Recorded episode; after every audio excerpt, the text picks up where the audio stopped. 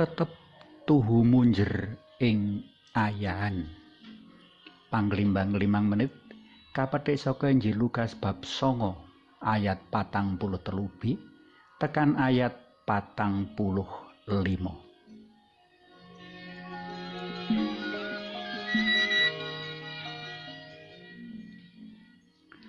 ana rahib telu ingutus abas pimpinane ngeterke nawala menyang sawijining abas wiyara ing gunung Jolo Sukmo.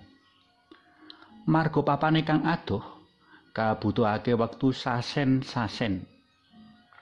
Watara entuk sak prapating laku, para rahib padha nemoni pradisan kang nembe paceklik. Tetanduran garing mekingking lemah padha mblegat nelo. Wong-wong mau banjur mandek sawetara dina saperlu asung pambiyantu. Saka kupiya cawe-cawene para rahib tetelu, desa dadi subur lan rejo. Di ayo nerusake laku. Kandhane rahib tetunggul. Raka. Aku nyandek tekan kene wae ya. Aku kepengin terusake mbangun desa kene. Aku ra tega ji ninggalake istrine kijenan. Sabanjure kari rahib loro kang terusake laku. Rikala kira-kira oleh telung prapating laku. Rahib sakloron merangguri sawijining desa kang bosah baseh diurat-arit gerumbulan begal keju. Atine rahib sakloron kadudut meneh kanggo asung pitulung. Para begal kasil katundung minggat desa Bali tentrem. Di sarene desa wis tentrem, ayo ndang padha nerusake laku. Pangajake rahib tetunggul. Raka, aku rumangsa tinimbalan mengkoni desa iki. Ben tetep tentrem. Aku rumangsa luwih piguna mraktekake ngelmuku nang kene. Karo meneh, ayan kita ramung ngeterake layang to. Jenengan dhewe rak ya merantasi. Wis, jenengan dhewe wae sing budal.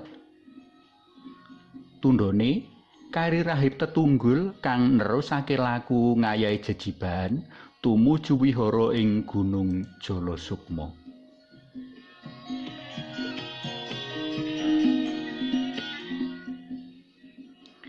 Jroning laku ngayahi perutusan nebus dosa manungsa menyang kutha Yerusalem.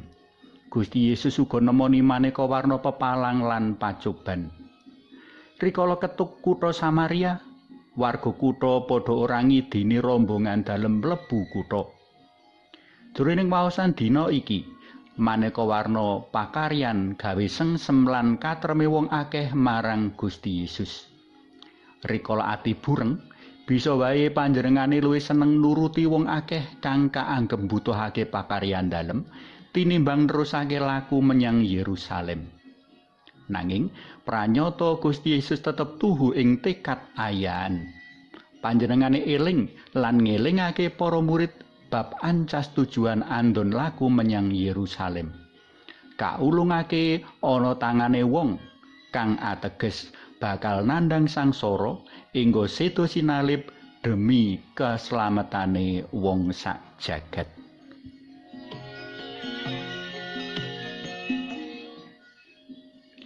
Para sutresna PLM kinasih saben dina saben wektu awake dhewe asring kaadepake dening maneka warna pilihan kang menawa ora setiti nastiti lan ngati-ati anggone milih bisa wae nibakake keputusan kang kepara ngedohake saka ancas tujuan lan jejiban minangka wong Katolik.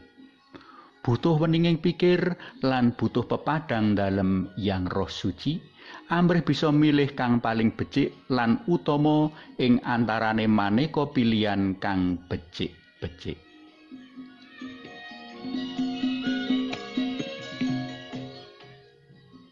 Saiki ayo padha munjuk.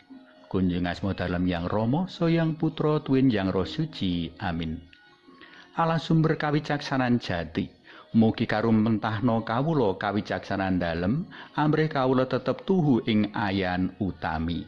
Amin. Kunjung asma dalam yang Romo, so yang Putra, tuwin yang Roh Suci. Amin.